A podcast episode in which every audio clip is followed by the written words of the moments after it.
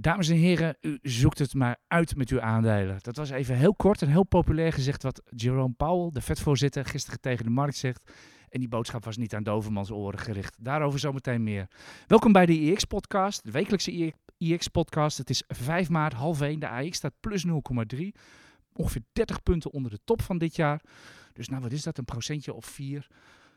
Maak jij al ergens druk over uh, Niels Koerts? Niels Koerts, aandelenanalist van, van IX.nl. Ik ben Agent Kamp, marktcommentator van IX.nl.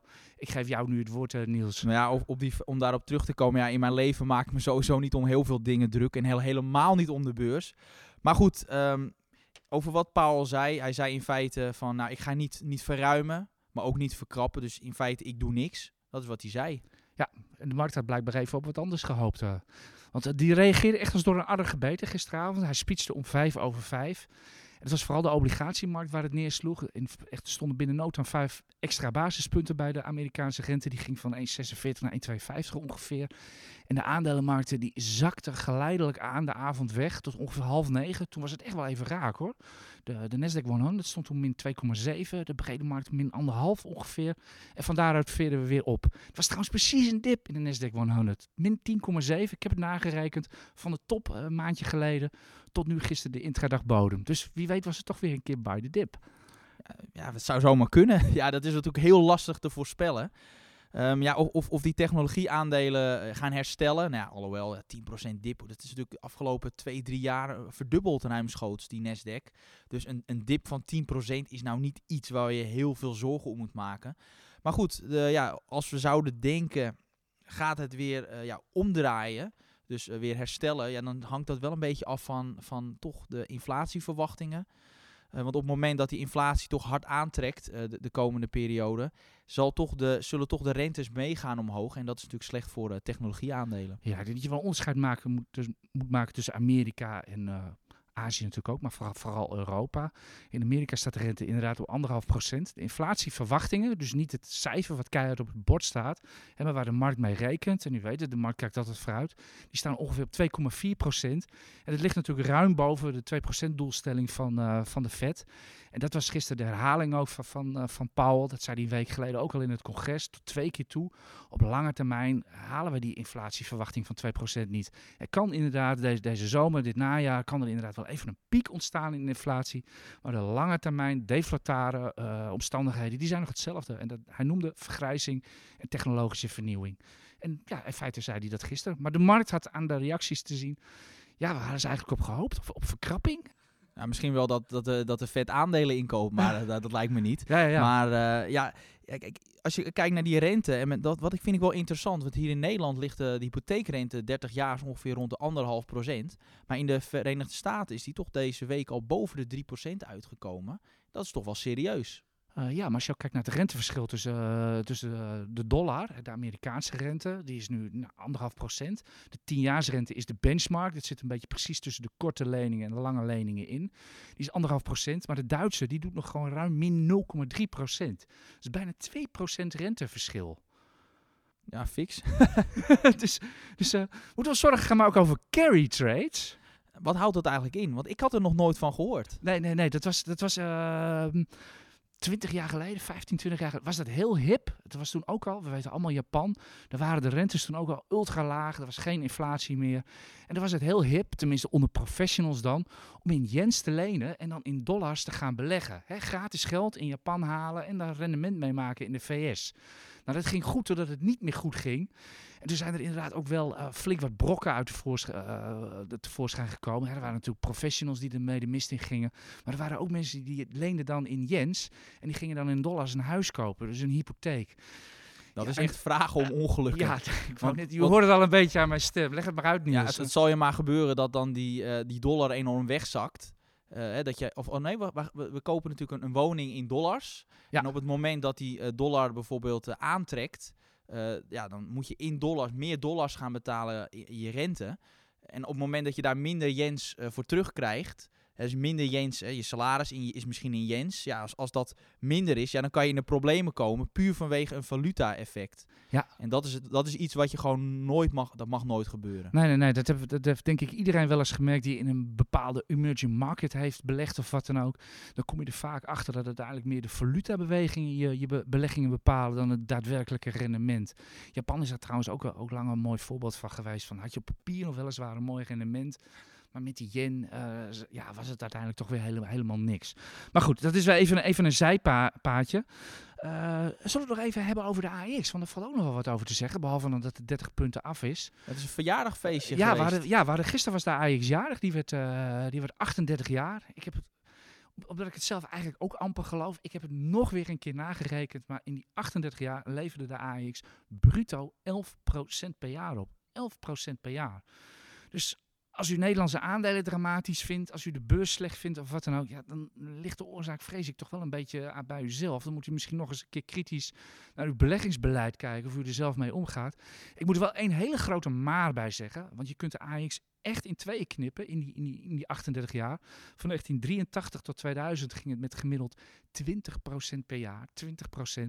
En eigenlijk betalen we er deze, deze eeuw de tol van, want eh, dit jaar is, of deze eeuw is het eigenlijk herbelegd, eh, is het eh, bar en boos. Ja, maar dat is ook wel makkelijk rekenen. Ik bedoel, de, de bubbel der bubbels, dat die, die, die spatte geloof ik begin eh, 2000. Dus ja, het is net wel- welk jaartal je rekent. Ja, ja, maar dat was het hele eieren eten. Zo tussen 1995 en 2000 ging de AX ja, achteraf gezien veel en veel te hard. Dat, dat was ook het probleem. Ik ken natuurlijk allemaal het verhaal van de Nikkei, die al eh 30 jaar, de top was in 1989, gewoon die all-time high nog altijd niet op het bord heeft. Maar als je kijkt hoe de Nikkei ook steeg in de jaren 80, dat ging dus echt met 30% per jaar. Ja, en daar betaal je dan blijkbaar heel lang de tol van. Ja, dat kan natuurlijk nooit aanhouden. 30% per jaar, dat is ja, het dat, idee eh, al. Nee, nee, maar, maar goed, we zagen het ook in Nederland tijdens de dotcom-bubbel. We namen het echt voor granted aan hoor, op een gegeven moment. En, en, en nu ook eigenlijk aan, zie je dat ook een beetje aan de markten. We vinden het allemaal heel dood gewoon dat de boel stijgt. Ja, maar toch die 11%, die vind ik wel interessant. Want wat ik altijd geleerd heb in, in, in de boekjes, is dat je 7% rendement behaalt per jaar. Dan vind ik die 11% toch best hoog. Ja, die 7% is het, is het allerlangste jaar, la- jaarlijkse gemiddelde wat er is. Als je rekent vanaf de, de Dow Jones, dat is echt rendement vanaf 1896, is ongeveer 7% bruto. Het is bruto, hè? dus daar gaan je kosten en alles eh, nog vanaf. En de kosten in 1896 waren heel wat anders dan dat ze nu zijn hoor. Dus, dus het zijn ook echt theoretische berekeningen. En verder zijn het eh, academische berekeningen. Vanaf 1870, professor Robert Schiller komt uit op 7%. Professor Jeremy Siegel vanaf 1802 komt op 7% aan. En dan heb je natuurlijk altijd van die nijvere geleerden, die hebben teruggerekend tot aan eh, de VOC 1602, ook 7%. Ik hou dat voor mezelf ook aan. Ik weet dat pensioenfondsen die rekenen met 8% per jaar. Dat is ongeveer hun doelstelling. Dat heeft, ja, dat heeft ook te maken met dat procentje kosten. Meestal zit in die 7% eh, wordt daar ook rekening gehouden met 1% kosten. En pensioenfondsen hebben natuurlijk minder kosten omdat ze met veel meer geld beleggen. Dat, eh, dat scheelt natuurlijk aanzienlijk. Maar dan hebt u een beetje, ja, een beetje idee. Overigens de, de MSCY Netherlands Index. Dat is langste Nederlandse index die er echt is vanaf 1969. Dat is overigens een index waar geen Shell in zit. Eh, die doet ook 10% per jaar. Dus ja, de afgelopen 50 jaar waren buitengewoon goede, goede beleggingsjaren. Ondanks 2000, de bear market, ondanks de kredietcrisis, de oliecrisis. We hebben heel veel oorlogen gehad in die tijd. Dus er is altijd wel wat. Maar aandelen, zolang ze geld verdienen, zit u denk ik wel goed. En om nog even voor te borduren op die jarige AX, want we kijken natuurlijk altijd vooruit. Dinsdag is de herweging van de AX. Om half zeven ongeveer, of na beurs, komt het persbericht van Euronext uit. En, eh, wat Welke denk jij? aandelen komen erin? Ja, dat is- jij, dat jij is- bent degene die dat Ja, altijd ja, ja we, hadden, houdt. we hadden daar altijd via beer.nl hadden we altijd hele mooie data over. Ik kon het zo aflezen. Ik, eh, ik, ik heb echt stad en land afgebeld en afgemaild. Maar dat is data die iedereen tegen de borst eh, houdt. Dat, je kunt namelijk zelf de AX helemaal uitrekenen. Hoe die eruit komt te zien. Welke fondsen wel en niet in welke index komen. En dat is ook het succes van de, van de Euronext indices. Omdat ze lang van tevoren door de industrie zeg maar, zijn te bepalen. Die, die zien gewoon aankomen wat er wel en niet in, in gaat. En die kunnen er natuurlijk op anticiperen. Want dat betekent natuurlijk nogal wat voor een fonds. Als je van de AMX naar de AX gaat, dan betekent dat alle fondsmanagers je, je aandelen moeten kopen. Je trekkers moeten de aandelen kopen. Dat betekent gewoon opwaarts potentieel. En je hebt natuurlijk veel meer, eh, veel meer exposure. Eh, ik werk op basis van, van eh, data van twee maanden geleden, dus dat is, zeer rekbaar. Maar zoals ik het zie, onder de sterkst mogelijke voorbehoud, is dat eh, ik denk dat, ik heb alleen van de AX en de AMX, ik denk dat ASR en Galapagos eruit gaan. En dat Signify erin komt en eventueel WDP of BASI. Eén van die twee. Het hangt een beetje van de datum af Ja. van waar we, vanaf waar we gaan rekenen. Want Base is de afgelopen paar dagen een procentje of tien Ja, ja, gedaald. ja, maar ze hebben eerder geprikt. Ik weet niet wanneer ze geturfd hebben, de koersen. Dus echt het besluit genomen hebben van dit, dit, dit wordt het. En verder is het eh, heel erg speculeren. Ook wat er met Fastnet gaat gebeuren. Eh, ik, ik denk een plekje naar ACX, misschien wel ten koste van Ajax. Maar dit- nu ben ik echt aan het speculeren. En eh, laten we maar gewoon even rustig het persbericht eh, van dinsdag eh, afwachten. U kan er nu toch geen geld meer aan verdienen. Zullen we naar de aandelen gaan? Dat lijkt me wel zo verstandig. We hebben een heel ritsje aandelen. En ja, dit is ook denk ik de reden dat u, dat u op IEX komt. Het zijn minder gangbare aandelen. In de gewone media komen ze eigenlijk niet zo heel veel voor. We gaan het hebben over ICT. Nou, Galapagos is natuurlijk wel een bekende naam. PostNL ook. We gaan het ook hebben over farming, Boskalis en Axel. En ik denk dat we maar even met eh, ICT moeten aftrappen, eh, Niels. Want er ligt een bot op. Ja, ja het, einde van het beursbestaan van ICT-groep nadert. Eh, want er is inderdaad vanochtend een bod gekomen van een consortium onder leiding van de investeringsmaatschappij NMP Capital. En zij bieden 14,50 euro per aandeel. Dat is ongeveer 32% eh, boven de prijs, het slotkoers van gisteren. En je ziet de huidige koers er ongeveer 2 à 3% onder liggen. Dus eh, de markt gaat ervan uit dat, eh, ja, dat er geen kink in de kabel eh, komt. Ja, even, even drie vragen aan jou. Ken jij die partij? Wat, wat zijn het voor? Of Eh, wat zijn ja, het? ik, ik weet dat het een investeringsmaatschappij is. Ik ken ze niet zo heel goed. Ik weet alleen wel dat ze samen optrekken met groot aandeelhouder Teslin. Want in het toekomstige ICT-groep zal ook Teslin een aandeel behouden van 17%. En die hebben nu iets van eh, 19%, dus die verkopen maar een heel klein deel. Ja, ja, Tesla is een fondsenhuis. Juist. Dus, dus nou, kijk, wat met de stukken moet doen. Ik heb daar een artikel geschreven voor, eh, voor IEX Premium. En omdat het ja, advies nogal vrij vers is, vind ik het wel zo netjes naar de, de leden om het, ja, om het niet hier eh, prijs te geven. Dus nou, daarvoor moet je dan maar even op de site gaan. Ik heb nog een paar vragen. Een bo bod van 30% boven, de, boven de, de, slotkoers. Ik heb altijd geleerd, de vuistregel is altijd 20% boven de laatste slotkoers. Dat dat ongeveer gangbaar is voor een bod. Dit zit er behoorlijk boven. Maar als je bijvoorbeeld vergelijkt met het bod van Sanofi op Kiaris, is het natuurlijk peanuts. Ja, nee, maar dit is, dit is gewoon een, een keur. Ik vind het gewoon een netbod. Het ja, ja, wat betalen ze uiteindelijk voor ICT? Heb je, heb je... Um, ik heb het in het artikel staan. Ja, ik heb even, gewoon even een KW of zo, een koerswinstverhouding. Uh, ja, dus ongeveer uh, 26 keer de winst betalen ze. Dat klinkt niet zo heel erg duur. Of, uh... Ja, maar het is niet een eeuw. Het is geen technologisch groeibedrijf of zo hoor. Dus oh, okay. ja, ze groeien wel, maar het is niet. Het is, het, het is, ik vind het een oké okay prijs. Ik, ik, sta, ik sta, ja, ik kan daar ik wil daar niet meer over ja. zeggen dan dit. Oké, okay, maar dat bot, uh, de, de, koers staat er nu een paar procent onder. Het is inderdaad vrij gangbaar dat een koers nooit helemaal naar het bot toe loopt. Ja, want je kunt natuurlijk nu meteen al dat bot cashen, als het ware, als je, de, als je de stukken had. En anders moet je soms nog echt een half jaar echt concreet wachten tot het geld echt op je rekening staat van het bot. Dus het is aantrekkelijk om vast te verkopen en met dat geld weer aan het werk te zetten. Is het niet een beetje veel, 2 à 3 procent, wat het, er, wat het eronder staat? Nee, want er is natuurlijk altijd nog een hele kleine kans dat er toch, dat er toch iets misgaat met een bot. Dat, dat, ja, de, de kan, al is de kans maar 1 procent, dat moet wel meegenomen ja, we worden. zien het bij Grand Vision, ja. Ja, nou ja dat, dat, dat is nog niet klaar. Dat is geloof ik anderhalf jaar geleden. Dus, maar dat, dat was wel anders hoor, want toen wist je dat mededingingsautoriteiten in actie gingen komen. Die kans was gewoon heel groot. Ja, oké, okay, maar in ieder geval het geeft wel aan dat zoiets niet. Het geeft wel aan dat er wel risico altijd wat is. Er is altijd risico op mislukking. En dan met name waarom dat eronder ligt, is die tijdswaarde die erin zit. Want in de tussentijd, al moet je een half jaar wachten. Ja, je kan ook in andere aandelen. Dus stel dat je een half jaar moet wachten. Aandelen doen gemiddeld, nou wat je zei, als we vanuit gaan van die 7%, dan zit je al op ongeveer 3,5% dat je misloopt. Ja, uh, ja, dus eigenlijk wat ik net ook al met zo, zoveel woorden zei. Dus uh, gelopen zaken. Zie, jij ziet niet nog uh, nou, aan de koers te oordelen. Denkt de markt het ook niet dat er nog ergens een knockout nee. bot gaat komen? Nee, omdat zowel de volledige raad van bestuur staat erachter als, als, de, als de groot aandeelhouders. Dus. Ja, zo'n Tesla al mee is. Hoeveel procent hebben die? die ja, die hadden, die hadden 19 procent ongeveer. Ja, ja, daar kun je niet omheen. Dat, nee. Oké. Okay. Ja, dan uh, ja, eigenlijk zo'n vaste bewoner van, van deze podcast, mag ik wel, denk ik wel zeggen, Galapagos. Ja, ja, Galapagos grossierde de laatste maanden in slecht nieuws. Maar nu kwam er eindelijk een keer, nou, wat meevallend, een meevallend berichtje langs. Want wat bleek uit een studie dat uh, filgotinib uh, niet leidt tot een afna afname van de spermaconcentratie bij mannelijke patiënten. Nou, wat, wat, is, wat is daar nou het goede nieuws van? Nou, de reden waarom uh, dat, dat filgotinib was afgekeurd in de VS was mede omdat er een verhoogd risico was. Zo zag de, de, de toezichthouder uh, FDA. Die dacht, uh, die zei, ehm, dat dat middel ertoe zou kunnen leiden dat eh, ja, de vruchtbaarheid van mannen zou verslechteren. En dan, ja, ik vond het wel grappig, want uit die studie bleek, en heb je natuurlijk altijd de helft van de mensen die heeft zo'n placebo, en de eh, andere helft die krijgt uh, veel gotinib. En wat bleek dat, ehm, ja, waar het met name om gaat, is dat, dat je je spermaconcentratie mag niet meer dan 50% afnemen. Dus daar werd vooral op gelet. En toen bleek dat de mensen in de, in de placebo-groep, dat daar dus een, een hoger, hoger aantal mensen was, waarbij die spermaconcentratie met meer dan 50% daalde. Dus dat is heel opvallend. Want dat, ja, je denkt, hoe is dat in hemelsnaam mogelijk? Maar dat komt dus... Altijd verrassingen met Galapagos. Ja, dat is heel... Nou, dat komt dus doordat die, um, ja, die groep uh, van proefpersonen, dat waren 248 mensen, dat is vrij beperkt. Want stel dat maar 6% ongeveer, die, die, die, die kreeg daarmee te maken. Ja, dan heb je het over uh, zes of acht mensen.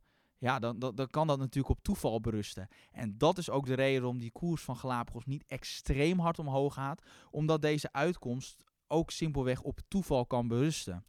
Dus, uh, dus, dus, eigenlijk zijn we niet zoveel wijzer geworden. Nou, het is natuurlijk wel goed nieuws. Dus het is misschien wel uh, aanleiding om misschien een wat groter onderzoek te doen.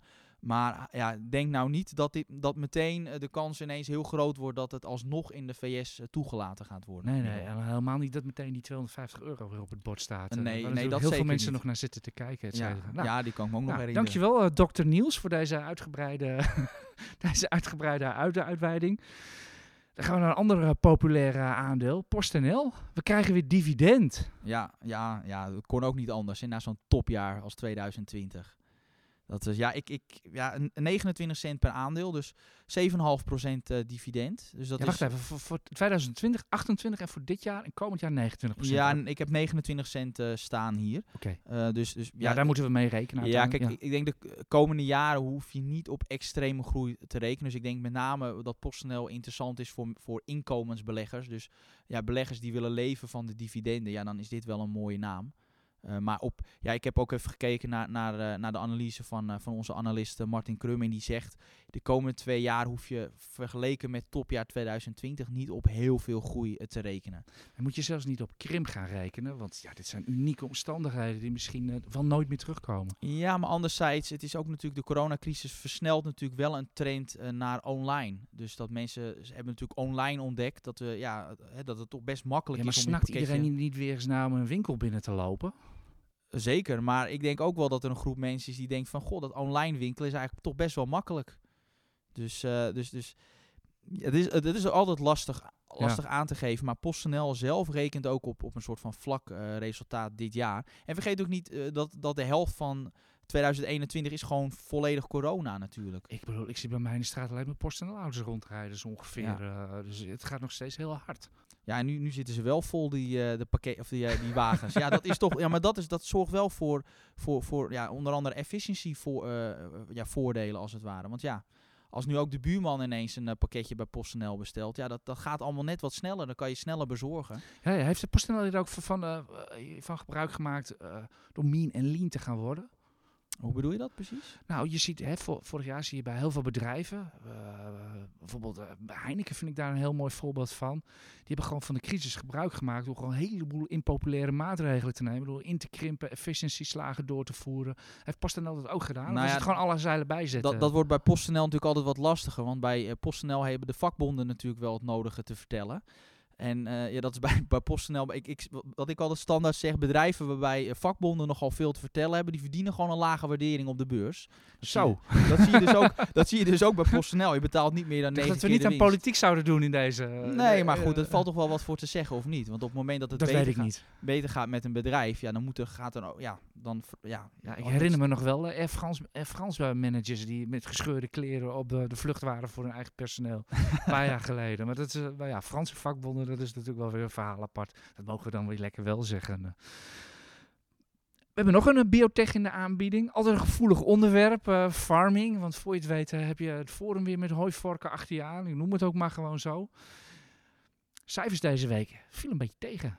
Nou, ik zeg de cijfers op zich niet. Kijk, dat, dat, die, 10, dat winst 10% lager uitviel, was wel verwacht. Want ja, ook farming, het is een biotechbedrijf. En waar halen biotechbedrijven over het algemeen hun omzet? In Amerika. En in Amerika, we weten allemaal, die dollar is toch de laatste tijd wat verzwakt. Ja, in 2020 is hij 9% verzwakt. Daarom, dus, eh, nou dan weet u het, 10% lage winst. Dus ja, dan is dat, komt dat niet als een verrassing. Nee, het was ook wel, het was ook, dat was ook wel ingeprijsd. Dat was ook Ja. ongeveer volgens de verwachtingen, et cetera. Wat is, wat is de fantasie die er nog in farming zit? Want daar gaat het natuurlijk uiteindelijk altijd om bij dit, dit aandeel. Ja, ze zijn op zoek natuurlijk naar een overname. Misschien dat ze wat. Ja, ze, uit het persbericht bleek ook wel dat ze toch ja, hun, hun pijplijn willen verbreden. Want ze hebben nu natuurlijk maar één medicijn op de markt. Ja, dat is een beetje magertjes allemaal. Ehm, dus, dus daar zou het hem vooral in moeten zitten in een slimme overname. Maar goed, als ze dat doen, dan moeten ze natuurlijk ook weer extra aandelen uitgeven. Dus ja, om eerlijk te zijn, ook als ik keek naar de outlook, weet je, dan zei ja, de CEO zei van ja, we verwachten geen eh, emissie, dus geen additionele financiering. En we worden winstgevend dit jaar. Ja, eh, dat had ik ook wel verwacht. Dus eh, ja, weet je, dat, dat had ik ook nog wel durven Dat opschrijven. noemen we tegenwoordig een Hugo de Jonge. Ja, zo van, ja, ik denk dat het wel beter wordt. Ja. Maar eh, ja, goed, dus, dus in principe die outlook ehm, ja, was niet zo denderend. En- mist gewoon een beetje de fantasie erin. Ja. Ja. Ja, kijk, met, met farming, het- eigenlijk als ik kijk naar de cijfers, is het een best saai bedrijf. Het is, gewoon, het is eigenlijk gewoon, het is ook helemaal geen biotech. Ik noem het wel een bio, maar strikt genomen is het dat niet. Nee. Want ze hebben gewoon winst en omzet. Nee, dat klopt. En het is, het is een biopharma-concern, heet dat dan eh, officieel. Dus eh, Ja, kijk, ik denk, de koers doet iets van 1,11 euro. Ik denk echt, als die koers bijvoorbeeld 30 euro was geweest, hè, met de waardering natuurlijk hetzelfde, dan als met een koers van 30 euro, ben ik echt benieuwd hoeveel particuliere beleggers er dan nog in zouden zitten. Ja, maar zit er niet iets in als dividend of wat dan ook? Zou, eh, zou het concern daar ons mee kunnen paaien? Of, of kan dat niet uit de cashflow? Nee, want ze hebben al aangegeven dat ze op zoek zijn naar overnames. Ja. En als je dat, daarna op zoek bent, dan ga je natuurlijk geen dividend uitkeren. nee, nee, nee, dat, dat, dat, Dat is eh, niet zo'n goede combinatie. dat, dat is waar. eh. We gaan door naar het volgende fonds. AMX aandeel eh Boskalis, harde cijfers. Ja, ja, het is maar hoe je het kijkt. Maar strikt genomen was er, was er wel een verlies. Als je het netto winst eh, minus de, de afschrijvingen die ze nog moesten doen. Maar de grote fantasie in, in Boskalis is denk ik dat enorme orderboek van 5,3 eh, miljard. Vorig jaar hebben ze de twee grootste opdrachten ooit binnengehaald. Was ook een zeer zonnige outlook. ja, hoogste orderboek ooit voor Boskalis. Ik, ik moet eerlijk zeggen, ik heb, ik heb de aandelen niet, hoewel ik er wel via mijn trekker in zit. Maar ik heb bij Boskalis altijd een beetje een roze bril. Ik vind het gewoon een prachtig bedrijf. Ik vind het machtig mooi wat ze doen. Die grote machines, gewoon even een eilandje uit de zee trekken. Of een kanaaltje, kanaal graven, alsof het allemaal niks is. Ik vind het, ik vind het echt Jan de Wit bedrijf. Dus ja, jij hebt ook wel een beetje sympathie voor de CEO natuurlijk. Meneer Bedowski. ja, dat is, ja dat, dat is een buitengewoon uitgesproken man. Eh, die, eh, ja, die zegt waar de dingen op staat. En, eh, dus ja, eh, als je hem wel eens bij BNR hoort of, of wat dan ook in interviews of wat dan ook. eh, hij neemt geen blad voor de mond. En dat, dat, mis, je, dat mis je wel eens bij, eh, bij CEO's. Of wat, dat betreft is, is misschien even een leuk zijpaadje.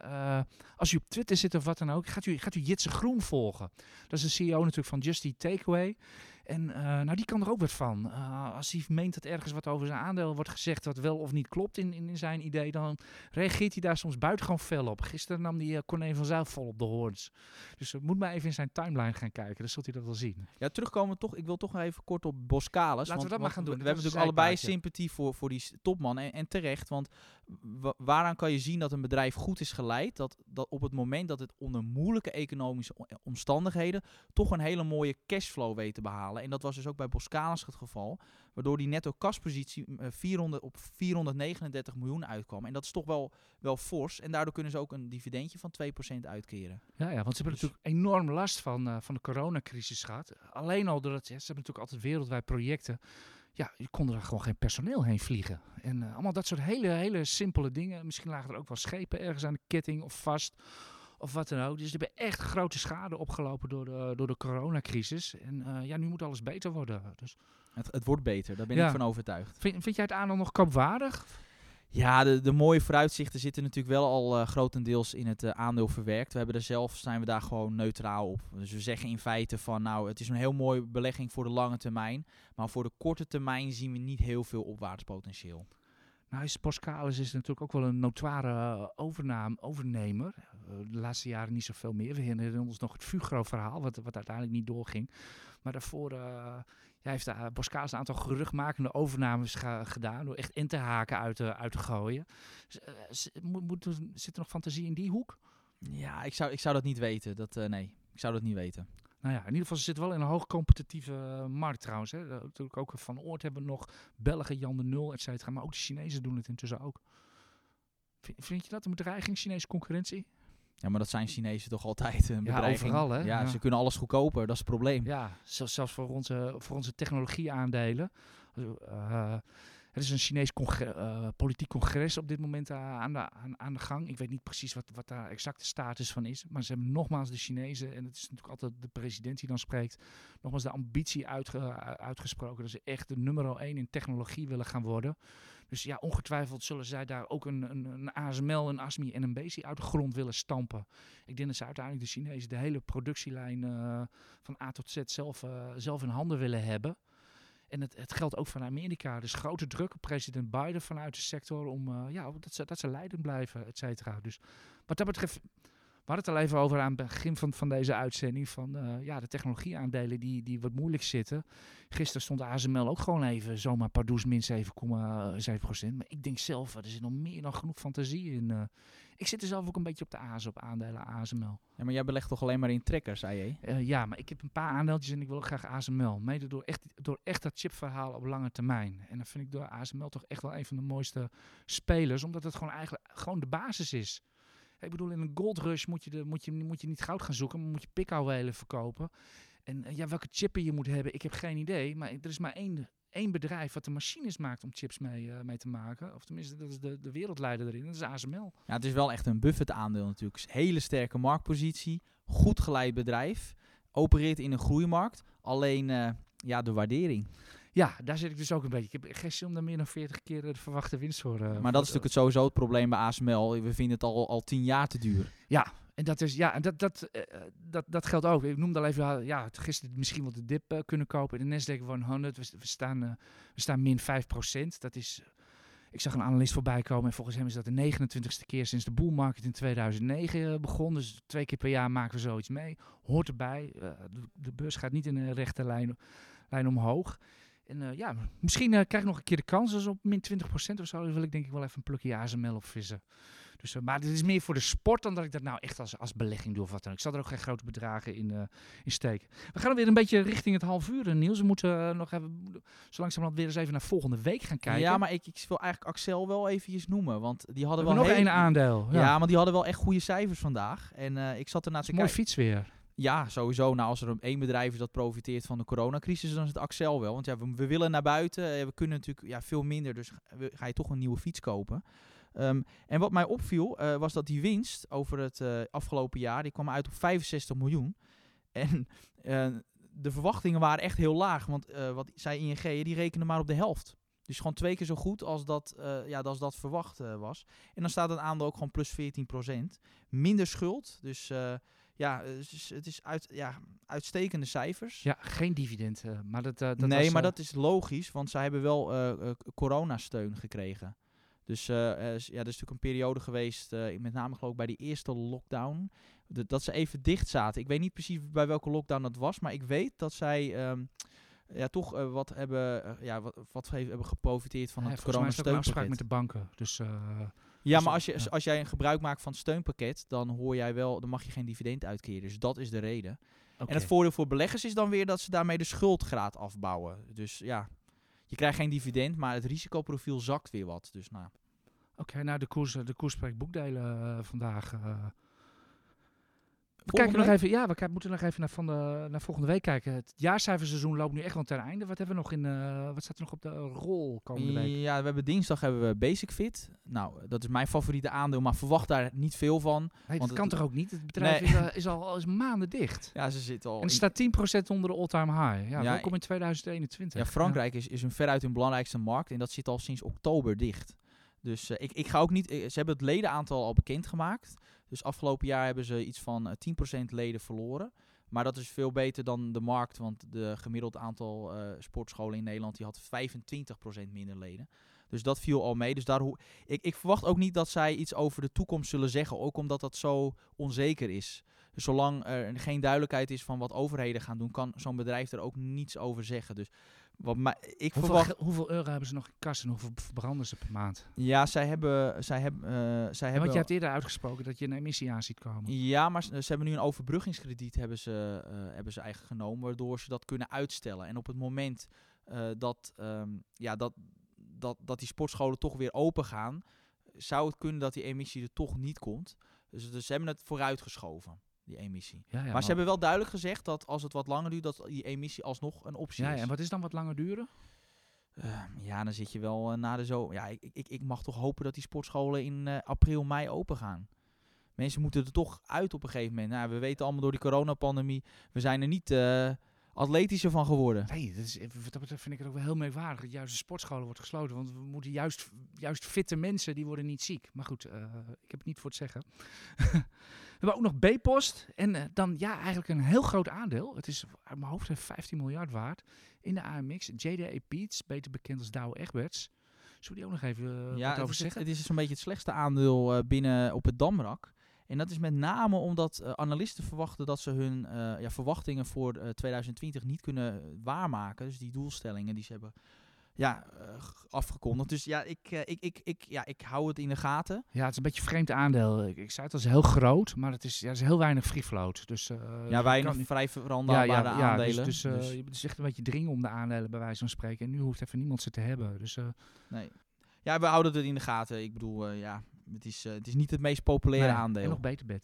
Ja, Beter Bed, ja, dat vind ik toch altijd wel een interessante. Want, Vrijdag zeker? Of, eh? Ja, Ja. altijd vrijdag. Ja. Hè? Beter Bed is altijd op vrijdag. En ik moet toch wel toegeven dat die nieuwe CEO, CEO eh, John Kruijs heeft, er wel, heeft het wel echt heel knap eh, die om, ja, omschakeling gemaakt. Want ja, die Duitse winkels, ja, dat was natuurlijk een ramp natuurlijk. ja, maar dat hoeven we niet En, meer over eh, te hebben. Nee, nee, nee, die ja. zijn van de hand gedaan. Maar, ehm, dus ik ben wel benieuwd Ja, naar die... net op tijd, eh, eigenlijk net op tijd de tent Ja. omgegooid met die coronacrisis. Kwam, was, ja, was voor dat betreft ook weer een beetje een zegen. Ja, en ik ben benieuwd naar die winstcijfers, want ja, dat is... eh, Er is geen consensus zeker, hè? Nee, het, is eh, heel onduidelijk eh, wat, wat dat gaat worden. Dus de, de, de- ik verwacht echt een flinke koersuitslag. Of het nou omhoog of naar omlaag, dat weet ik natuurlijk niet.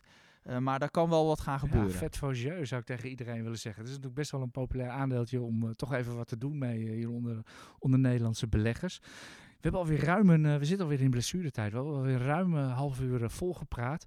Als je goed geluisterd hebt, dan hoor je dat wij een veel betere geluidskwaliteit hebben. Nou, IX bedankt eigenlijk uw luisteraars allemaal. We hebben er wekelijks eh, meer dan 4000 geloof ik. eh, ja, ongeveer, we zitten ongeveer Dus, op eh, 4500. ja, dus dus eh, we hebben nu echt mooie apparatuur gekregen. We bedanken ook Koen, eh, Koen Grutters, die hier de geluid heeft gedaan. We hebben echt een geluidsman. Dus eh, u verdient dat, omdat u iedere week trouw naar ons luistert. En het ook helemaal uitluistert. De cijfers zijn wat dat betreft eh, zijn we heel trots op. En eh, we doen het uiteindelijk, allemaal voor u. Dus eh, hoop dat u eh, hier wat aan hebt aan deze podcast. Ik wens u een heel fijn weekend. Weer een, weer, een leuke, weer een leuke beursweek, want het blijft maar leuk op de beurs.